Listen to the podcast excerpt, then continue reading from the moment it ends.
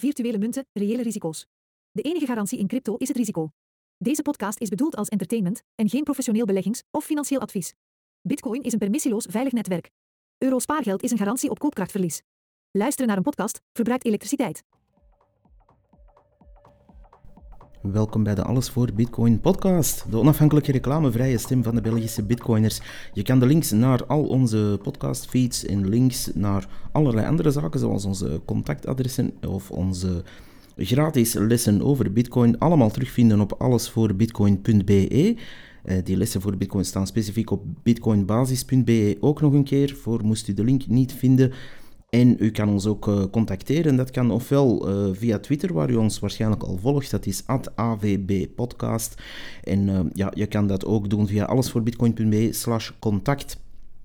dit is aflevering 81. Het is vandaag 19 juli 14 anno Satoshi. De blokhoogte is 799.408. Voor 1 bitcoin betaalt u 26.781 euro, oftewel 30.030 dollar. En dat is dan weer goed allemaal voor 5.824 Big Macs. We gaan gewoon eventjes over wat nieuwtjes gaan. Dit is een uh, korte update-aflevering eigenlijk. We beginnen met een artikel over L402. Um, dat is geen shitcoin, maar dat is een... Uh, een nieuw protocol eigenlijk. En dat is eigenlijk een protocol dat het uh, mogelijk maakt om een heleboel zaken op Lightning te gaan uitbreiden en eigenlijk beter te gaan maken. Het is uh, ook bekend als het HTTP 402-protocol op Lightning. En dat uh, maakt eigenlijk in het heel kort gezegd het mogelijk om um, kosten en facturen in uh, rekening te brengen voor diensten. Maar ook diensten te gaan aanbieden waar gebruikers zich gaan authenticeren op bepaalde platformen of zaken waar ze iets gaan kopen, zoals een shop. En dit maakt mogelijk dat je dus ook via Lightning je ook makkelijker kan gaan ja, eh, inloggen, om het uh, non-techie uit te leggen. Nu, dat kan nu al natuurlijk. Je kan uh, via het Lightning-protocol in plaats van een username en paswoord, kan je gewoon met je Lightning wallet gaan je identificeren. Maar uh, dit protocol gaat het eigenlijk uitbreiden. Uh, een van de dingen die daar uh, nieuw in zijn, zijn macaroons. Niet te verwarren met macarons, die u wel eens bij de bakker kan vinden. maar macaroons zijn een soort van speciale tokens die worden gebruikt voor die authenticatie. En die gaan eigenlijk een soort van ja, cookies bevatten. Het zijn niet echt cookies, maar het heeft dezelfde functie. En waar je dus vooral gaat vermijden dat je bijvoorbeeld op een webshop niet telkens tokens moet gaan opnieuw opvragen bij de user maar dus wel degelijk via die, via die macaroons kan werken.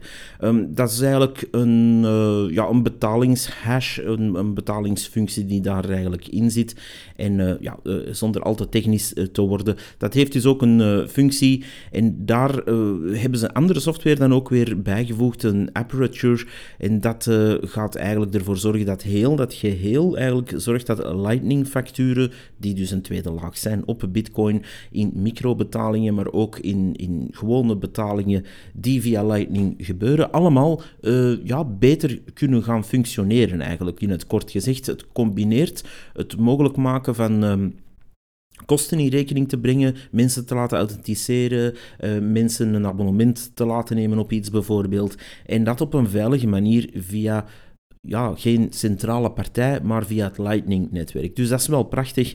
En uh, ja, daar, is een, uh, daar zijn een heleboel documentatieartikels uh, over verschenen de laatste week. En dat was toch even mooi om te zien. Wie, wie daar meer over wil weten, ik ga gewoon de link van Bitcoin Magazine in de show notes droppen. Dan kan u dat alvast lezen. Maar er is natuurlijk veel meer documentatie te vinden voor de mensen die daar willen induiken.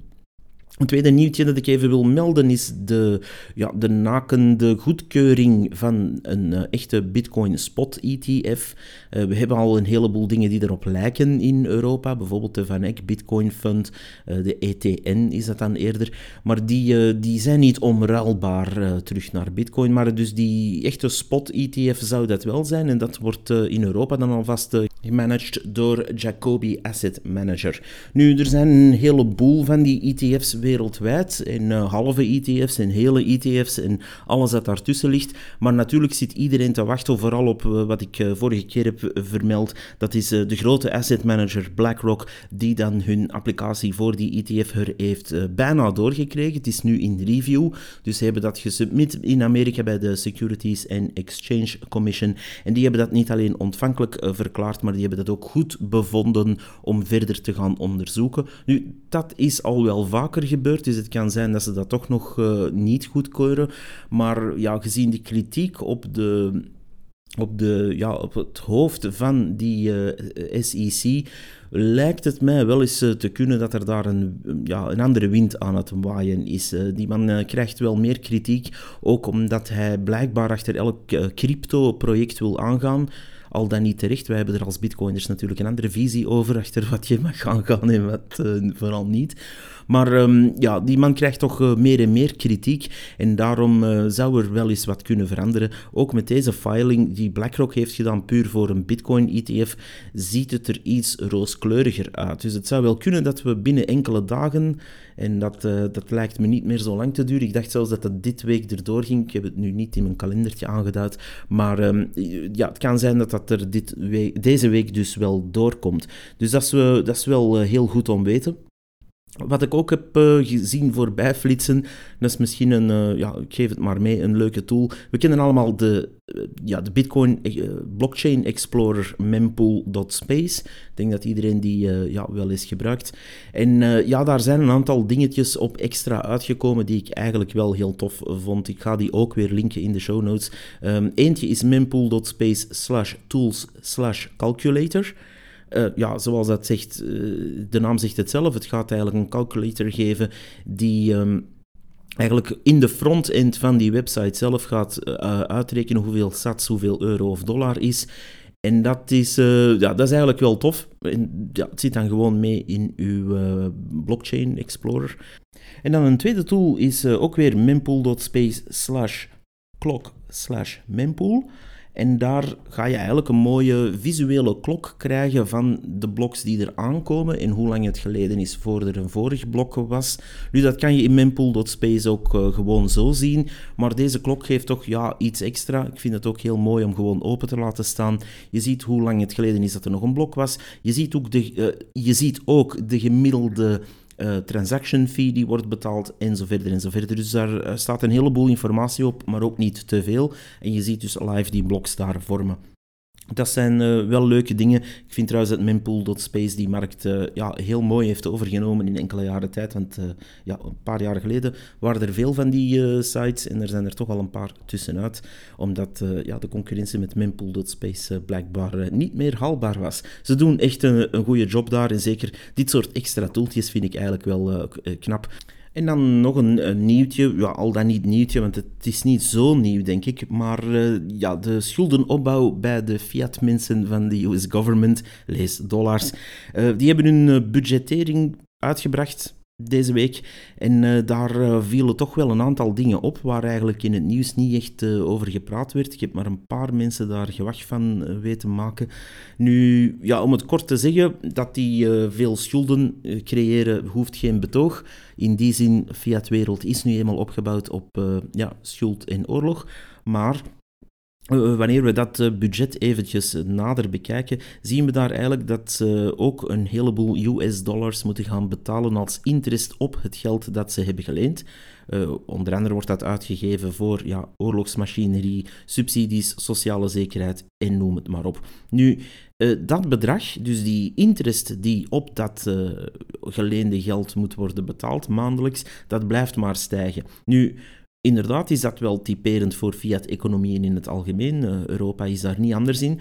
Maar hier is toch wel iets vreemds aan de hand. En ik, zag het ook pas toen ik die charts goed begon te bekijken, maar ook de, de data daarachter.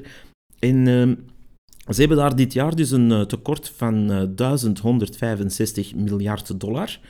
En de outflows dit jaar, dan hebben we het over 2023 tot mei, uh, was 424 miljard netto interest die betaald werd. Nu, uh, in 2020 was dat 344. En uh, nu zou dat in 2023 qua projectie, want dat eindigt in september eigenlijk, dat fiscale jaar daar, zou dat rond de 475 liggen. Wel, het zijn gewoon harde berekeningen, want men ziet die cijfers gewoon. Dus dat ligt rond 475 miljard. Nu, uh, dat groeit wel enorm snel. En dan heeft men eigenlijk uh, gaan berekenen hoeveel moet men nu eigenlijk per maand gaan afdragen aan ja, interesten. En dat zou rond de 30 miljard geweest zijn, anderhalf jaar geleden. Dat heb ik zelf niet gaan checken, maar komt uit betrouwbare bron. En dan nu, op dit moment, zit dat rond de 60 miljard en is snel aan het stijgen naar 80 miljard per maand. Nu, uh, ja, als dat blijft op die manier stijgen, zal er toch ergens iets uh, raars moeten gebeuren. Ofwel gaat men weer ja, geld gewoon bijprinten, maar uh, ja, dat kan niet zomaar, in die zin zonder uh, implicaties op de economie, want ja, zoals we weten, de, de inflatie had ook zo zijn grenzen aan het doenbare. Dus uh, dat, is, uh, dat is heel mooi. Nu heeft er daar iemand dan weer een chart van gemaakt uh, met de, ja, de, de aflossingsgraad daarvan en daar een mathematische projectie van gemaakt. En ja, dat is wel knap wanneer je dat dan parabolisch ziet gaan na 2025. Dus ja, men heeft daar toch wel een probleempje, zo te zien. Nu, ja, men lost dat meestal wel op, hè, want zij hebben natuurlijk toch alle macht. Dus als zij um, als ze geld willen bijprinten of wat dan ook. Dus ze zullen wel een oplossing vinden, maar het zegt iets over hoe broken, hoe kapot die systemen allemaal zijn en hoezeer we eigenlijk afhangen van die schuld-bijprint-economie, waar we aan de ene kant waar dan ook gaan lenen, bij het publiek of bij bedrijven of bij andere landen, en dan ja, dat geld gaan gebruiken om het nog eventjes allemaal in gang te houden en desnoods nog wat fiat-tokens bijprinten. In Europa gebeurt dat ook, alleen zijn de cijfers daar iets beter verstopt ik heb ze niet meteen kunnen opzoeken, om eerlijk te zijn, want daar worden ze dan uitgedrukt in percentages van het GDP, waar men natuurlijk zich een beetje achter kan verstoppen. Dan moet je dat gaan omrekenen naar hun GDP-cijfers. En ja, ik ga me daar niet mee bezighouden, dat laat ik even over aan mensen die daar meer tijd voor hebben en daar willen induiken. Maar ik denk dat voor Europa dat uh, beeld misschien iets rooskleuriger is, maar het zal niet veel schelen, denk ik. Dus uh, nogmaals, we zien, we zien Bitcoin eigenlijk staan, klaarstaan om uh, front stage te komen, want heel veel mensen zien wat er gebeurt. Ze kunnen hun koopkracht niet behouden. Ze zien dat die inflatie eigenlijk een beetje in toom gehouden is geworden door allerlei maatregelen, maar dat wanneer je naar de winkel gaat, zeker hier in Europa, je enkel de, vooral de voedselprijzen dramatisch ziet stijgen. Niet vergeten, ondertussen zijn heel veel huurprijzen en andere uh, prijzen omhoog gegaan. En dat is voor heel veel mensen een, uh, ja, een directe impact op hun uh, levensstandaard. En dat zie je ook. Um, ik, uh, een van de hobby's die ik een beetje heb is, soms ga ik in een drukke winkelstraat, lees de meer, um, en dan ga ik daar niet shoppen, maar dan ga ik daar gewoon ergens zitten en ik observeer de mensen. Je leert daar veel uit. En ja, de laatste tijd zie je toch een verschuiving naar, laten we zeggen, vertier. Dus uh, men gaat zich daar niet arm shoppen meer, maar men gaat dan eerder uh, ja, op café of naar een festival of wat dan ook. Wanneer je dus om je heen kijkt en wanneer dat je bepaalde artikels ook leest in kranten die nog een beetje kwaliteit leveren, dan uh, zie je toch dat er daar iets aan het verschuiven is naar, ach ja, het maakt niet uit, we zijn toch ver aan het verarmen. Dus bras het weinige geld dat we hebben toch maar lekker op op festivals of op weet ik veel welke zuippartij. En dan, ja, dan zijn we toch weer heel even gelukkig. En ik begrijp dat, dat is een soort van escapisme dat nu eenmaal eigen is aan de fiat-wereld, waar alles steeds sneller moet gaan in die race to the bottom. Bitcoin is anders. Bitcoin is een soort van reddingsboei daarvan. Een brutalist gebouw dat in het midden van de zooi, de ruïnes en de brandende hoop ellende staat. En dat, ja, vroeg of laat popt dat naar boven. Wanneer kunnen we allemaal niet zeggen. Ik doe daar ook geen voorspellingen over, maar er broeit wel iets. En je ziet ook de interesse toenemen.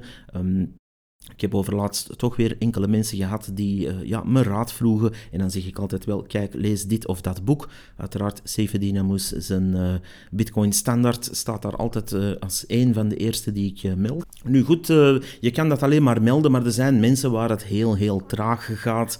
En daar wil ik dan toch nog even een poging doen mensen, wanneer je nieuw bent hier, ga alsjeblieft meer lezen over Bitcoin specifiek. Stop met de, de altcoiners en al die andere afleidingmensen. Want die, die babbelen heel graag, maar uiteindelijk gaan ze uh, altijd hun link sharen om u erin te luizen naar een of andere rare service. Doe dat niet en leer over Bitcoin. En dat kan gratis. Op uh, bitcoinbasis.be staan er al gratis lessen. Dat kost u 45 minuten van uw tijd in totaliteit. Maar u kan dat natuurlijk opsplitsen, want elk lesje is om en bij de anderhalve minuut. En ja, daarmee kan u verder. Dus zit u ergens te wachten in een wachtzaal bij de dokter, of um, zit u op het toilet op het werk, of zit u op een trein, of uh, bent u op een zeer saai feestje waar eigenlijk toch iedereen u negeert, stop, dan een uh, oortje in een, uh, Niet dat ik dat ooit meemaak, stop dan een Bluetooth-oortje in je oor en luister stiekem naar iets nuttigs waar je nog iets bij van leert. Want op die manier leer je iets bij en het is gratis. Je moet er niks voor betalen.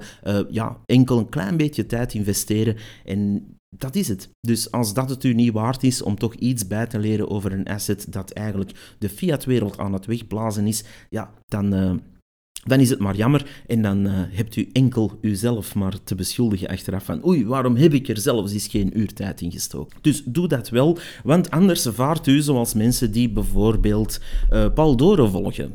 ik blijf het zeggen, eh, maar het, het, het wordt eigenlijk een een grappig verhaal en ook wel een, een diep triest verhaal. Want Paul Dore heeft dus, zoals we allemaal weten, een hele wire aan tips voorgesteld.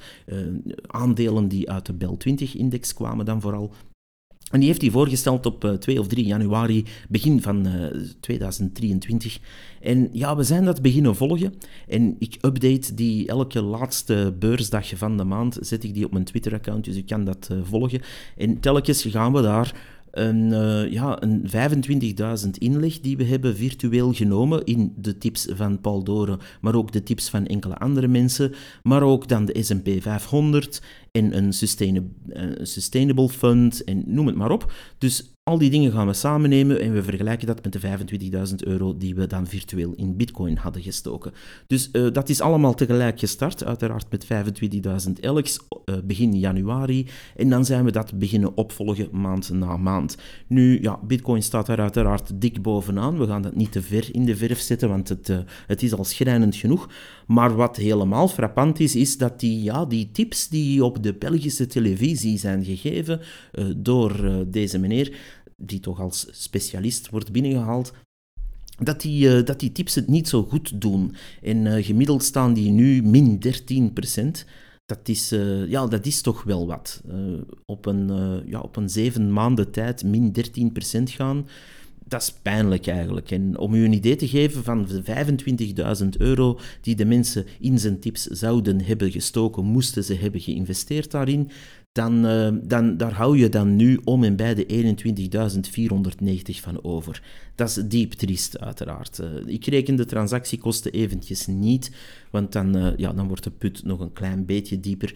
Maar ja, dat zegt wel veel. In die zin, mensen vertrouwen zulke figuren. Mensen vertrouwen ook wat ze op televisie zien. Van uh, ja, hagelbollen die zo groot als tennisballen naar beneden gaan storten en ons allemaal gaan kapotmaken. Tot uh, ja, schroeiende en verschroeiende temperaturen die heel de landen plat leggen.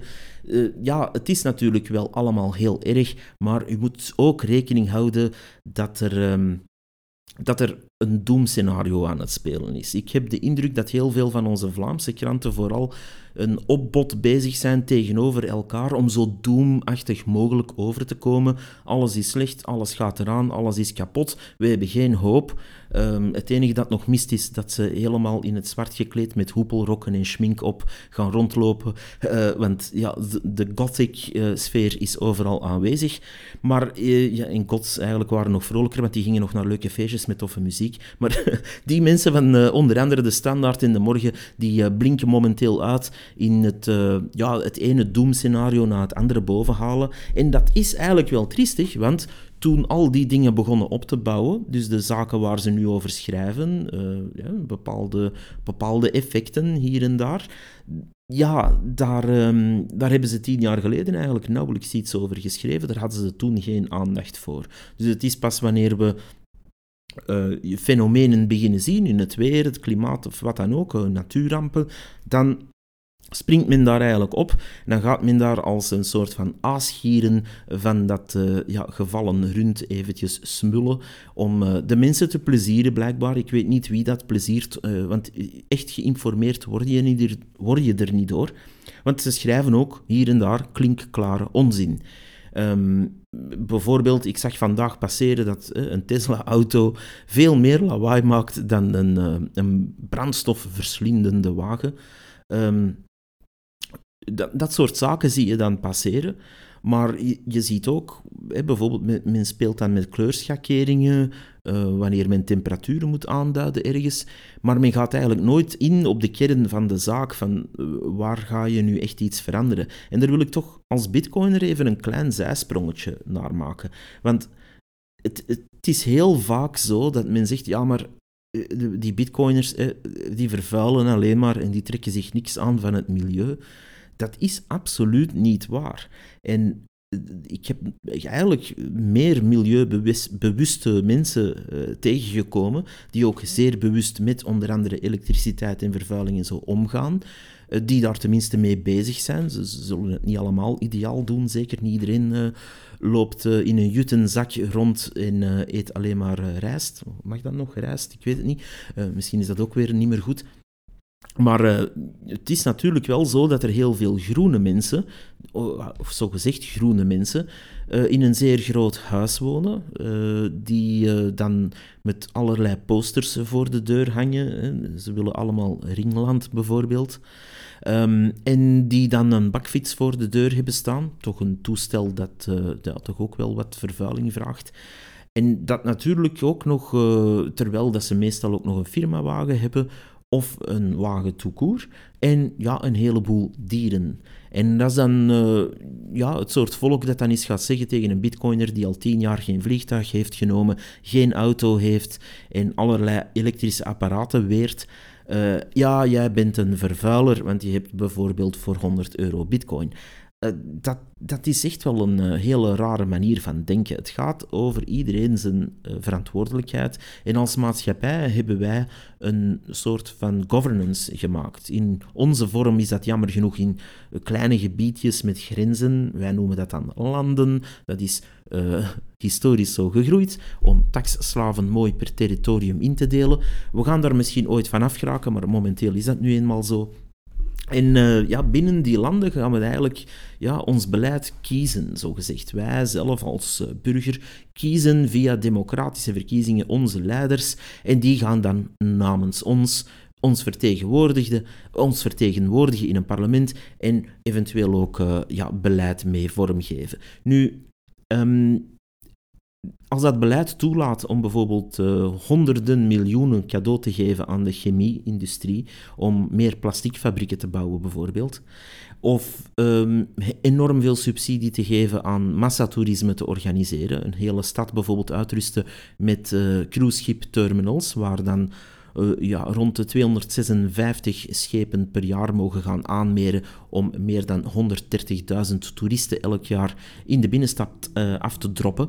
Die komen dan ook allemaal frietjes eten en chocolade kopen en schoentjes en al dat soort geintjes. En dan verdwijnen ze terug naar hun schip om verder te tuffen naar de volgende stad. Dus dat is allemaal enorm vervuilend en daar wordt eigenlijk minder aandacht aan besteed. Men gaat dan eerder focussen op onnozeliteiten, zo van, ja ja, kijk, uh, uw, uw klein plastic kleinoot dat u hier weggooit, dat had beter gerecycleerd geworden. Nu, ik ga er drie links hierbij gooien, want dat is toch een, uh, een onderwerp dat me na aan het hart ligt. Uh, er zijn dan uh, ook twijfels over hoe dat uh, recyclagesysteem in elkaar zit, of alle plastic dat we denken dat gerecycleerd wordt, wel gerecycleerd wordt. Maar ja, het gaat veel breder dan dat. We worden heel veel rommel wijsgemaakt. Ik zelf geloof rotsvast dat er iets aan de hand is, man-made, en dat we te ver zijn aan het gaan op bepaalde vlakken, maar dat ben ik als individu gewoon. Ik spreek daar niet namens alle bitcoiners, dat besef ik. Maar je mag het toch wel onderzoeken. Je mag toch wel informatie winnen. En je mag toch wel enig debat verwachten. Niet alleen over klimaat, maar ook over de acties die echt moeten gebeuren. En dan vind ik het heel jammer om te zien dat er bijvoorbeeld in Duitsland twee mensen zich uh, vastkleven op een, uh, op een snelweg. En uh, ja, één moet de brandweer die dan daar gaan losbijtelen. En ja, sommigen van die mensen geraken dan hun vingertjes kwijt. Uh, maar dan is er bijvoorbeeld een truckchauffeur die helemaal door het lint gaat, omdat hij bijvoorbeeld al twee uur in de film heeft gestaan die dag en het is super warm, of hij heeft andere frustraties, weet ik veel. En uh, ja, die man die uh, wordt dan geblokkeerd. Je moet het ook maar meemaken dat je net wanneer dat je aan een kruispunt toekomt. Dus de camion voor u kan nog door, maar jij zelf net niet meer, omdat er twee klimaatactivisten voor uw camion komen zitten met een spandoek stop olie. Nu, er zijn wel meer mensen die daar uh, geagiteerd van zouden worden, denk ik. Maar die man wordt dus uh, meteen gestraft, want die, die, ja, hij deed iets dat niet mag, uiteraard. Hij gebruikte een klein beetje geweld en het viel nog best mee, vond ik. Dus die stapte uit en sleurde een van die klimaatactivisten weg. waarna die prompt als een zombie terug de plek innam die hij daarvoor innam zonder zich te verweren. Ik vind dat ook een bijna onmenselijke reactie, want je wordt eigenlijk ja, weggeslagen en dan gaan die super passief gewoon terug uh, ervoor zitten. Ik vind dat heel, heel vreemd. Ik weet niet, ik weet niet wat ze die mensen geven voor die zo'n actie doen, maar uh, ja, het moet goed poeier zijn, denk ik. Maar um, dus die mensen blijven daar zitten, worden dan eigenlijk ja, een beetje licht afgetuigd door die vrachtwagenchauffeur die die probeert weg te slepen. En dan stapt die man in en daar gaat hij natuurlijk helemaal de fout in. Ik probeer hem niet goed te praten, uh, zijn acties zeker niet. Maar uh, dus gewoon menselijk wat daar gebeurd is. Hij rijdt dan lichtjes vooruit, terwijl dat, die mensen er bijna onder belanden. Dus ja, helemaal goed te keuren is dat niet. Dat is, uh, dat is niet uh, fraai, maar ook niet fraai aan de andere kant. Nu, ik was met de denkoefening aan het maken. Die man wordt dan bestraft. Eén is hij zijn job kwijt en zijn rijbewijs, omdat het bedrijf natuurlijk direct afstand nam van hem. Van oei, dat is een agressief persoon, die heeft ons bedrijf slecht in het nieuws gebracht, bla bla. Dus die nemen meteen afstand. En dan uh, krijgt hij er ook nog uh, eventueel een gevangenisstraf bovenop voor de poging tot ja, wat dan ook dat ze hem gaan aansmeren. Dus los daarvan, het gerecht zal daar wel zijn werk doen, vermoed ik. Maar het is toch wel schrijnend dat we op dit punt zijn gekomen waar klimaatactivisten, net zoals ik een paar jaar geleden al heb voorspeld in enkele blogposts, eigenlijk een frustratie hebben, namelijk je hebt 40 jaar gestreden voor iets. Sommigen stammen af uit een familie waar dat al generaties gebeurt, letterlijk, waar men zegt, ah kijk, uh, mijn vader of moeder of allebei uh, liepen al met spandoeken rond in de jaren 60 hè, tegen van alles en nog wat qua vervuiling, wat nobel is. Ik vind dat zelfs bewonderenswaardig. Maar nu, dus 40, 50 uh, jaar later, zijn die kinderen aan de beurt, of soms de kleinkinderen aan de beurt, en die zeggen van, ja kijk, uh, wat onze voorouders deden helpt toch niet. En daar geef ik ze eigenlijk 100% gelijk. In die zin, uh, wanneer dat je al meer dan 40 jaar met een spandoek rondloopt van um, vervuil de zee niet, ik ga het simpel houden, en de zee ligt ondertussen vol plastic, dan moet je gewoon hard constateren dat je ding niet, niet lukt. Punt uit. Net zoals wanneer je een bitcoiner bent en je zou, zeg maar iets, uh, eh, 40 jaar lang tegen iedereen dat je tegenkomt zeggen, ah, lees eens iets over bitcoin, want dat is wel interessant. En je hebt nooit iemand geonboard en er komt nooit iemand bij en niemand koopt bitcoin of verkoopt bitcoin of gebruikt het. Ja, dan moet je na 40 jaar misschien ook de conclusie trekken dat het ding dood is en dat je in een illusie leeft. Dus die aanpak heeft duidelijk niet gewerkt. Hopen op het gezonde verstand van de mensen. Ik had daar uh, deze week nog een uh, leuke interactie met een professor, ik ga de naam even niet noemen, die uh, openlijk zei van ja, kijk, de mensen, als we dat uitleggen, we moeten onze, onze wereld eigenlijk veranderen, we moeten olie stoppen, we moeten meteen alles doen dat we kunnen om eigenlijk bijna ja, alles stop te zetten qua vooruitgang om het klimaat te redden. En ik antwoordde hem van ja, dat is heel tof, en ik wil daar zelfs mee meedoen, maar de enige manier dat je dat gaat uh, bewerkstelligen is door een totalitair regime dat te laten afdwingen. Want mensen gaan dat niet vanzelf doen. Mensen gaan niet vanzelf stoppen met cruises te nemen, vliegtuigen te nemen, uh, met de auto rond te rijden, noem het maar op. Uh, ja, zegt hij, en dan was het fascinerende antwoord: People aren't stupid, zegt hij. Once they realize it, they will all fall in line. Dus hij zegt van de mensen zijn niet stom. wanneer dat ze zien gebeuren wat er gebeurt, dan gaan ze wel zelf volgen en dan gaan ze vanzelf het goede doen. En dan heb ik hem geantwoord van ja, als u echt gelooft dat de mensen niet dom zijn of niet stom zijn, eh, ja, dan, dan eh, gaat u nog wel eh, rare dingen meemaken. En dat is de illusie waar heel veel van die mensen in leven. En dat zijn ook de mensen die Bitcoin met de regelmaat van de klok aanvallen. Van we zijn allemaal vervuilend en het is allemaal slecht en het gaat de wereld helemaal vernietigen en noem het maar op. Die mensen geloven dat ook omdat die gefrustreerd zijn en omdat die hun uh, doelen niet kunnen bereiken. Dus ik zou zeggen, omarm Bitcoin, want daar zit een deel van de oplossing die jullie zo graag willen. Jullie willen groene energie, jullie willen dat betaalbaar krijgen. Bitcoin is daar een deel van de oplossing van. Jullie willen een eerlijker systeem waar niet de race to the bottom en ieder prularia kopen het, het, het, het van het is. Wel, ga dan allemaal wat simpeler leven. En ik wil daar zelf uh, zeker mijn duit in het zakje bij doen. Maar Ga dan ook eens naar de andere kant zien en zeg, ja, waarom moet dat allemaal 5 of 10 procent elk kwartaal opleveren voor die bedrijven? Waarom? Ah ja, om al die werknemers uh, natuurlijk hun consumer tokens in fiat te geven en om die meer prularia te laten kopen, zoals Nike schoenen en uh, Big Macs, noem het maar op. Dus het, hangt allemaal aan elkaar. En eigenlijk de, de, de echte communisten, dus, want ik heb het niet over de, de, de fake socialistachtige mensen, maar dus de echte communisten die ook in dat economisch systeem geloven, die, uh, die hebben een gelijkaardige visie en die gaan ook bepaalde dingen zien die fout lopen in die uh, kapitalistische maatschappij.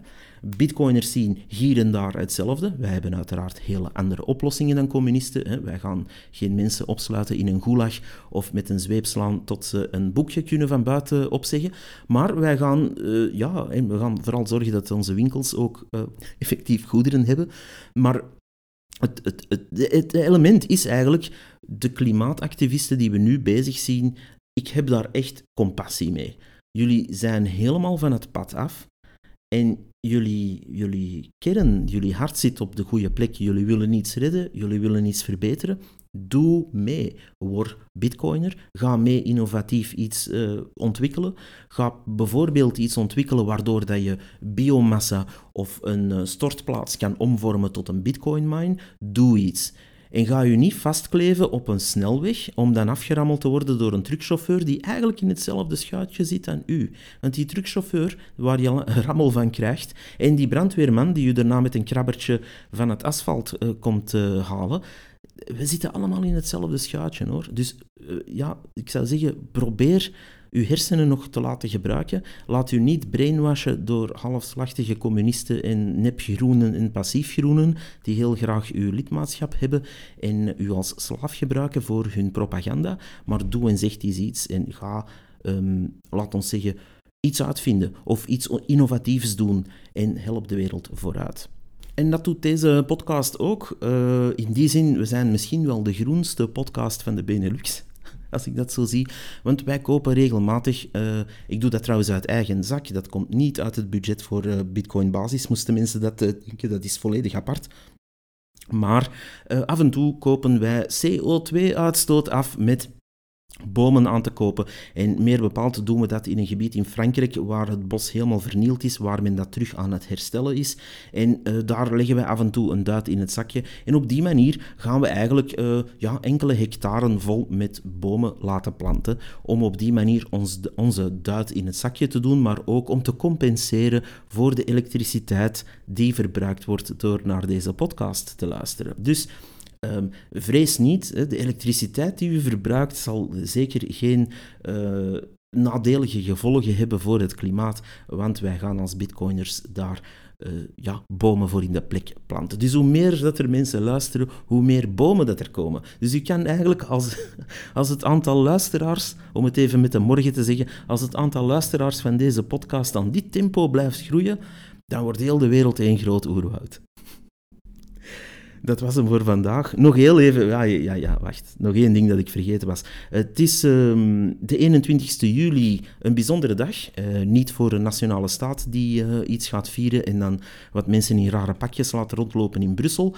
Maar nee, het is uh, naast die nationale feestdag hebben we ook een... Bitcoin Meetup in Antwerpen, dat is in restaurant Bun op het eilandje. De informatie daarover kan u eh, vinden bij de Belgian Bitcoin Embassy. Die doen elke maand zo'n meetup en dat is eh, soms heel gezellig en informatief, of soms alleen informatief en niet gezellig, ofwel heel gezellig en niet informatief. We hebben al alle combinaties gezien, maar het is altijd fun. dus uh, ga daar zeker eens naartoe als u over Bitcoin iets wil leren, want het zijn allemaal gezellige mensen. En um, ja, je kan daar ook met Bitcoin betalen, dus dat is misschien ook wel handig. In die zin gaan we dus. De 21ste weer bij elkaar komen. Is elke maand de 21ste. Ik wil daar toch even reclame voor maken, want soms vergeet ik dat gewoon te vermelden. En dat is, uh, ja, bij deze gebeurt. Ik dank jullie allemaal voor het luisteren. Plant meer bomen, zou ik zeggen. En um, tot de volgende. Bye bye.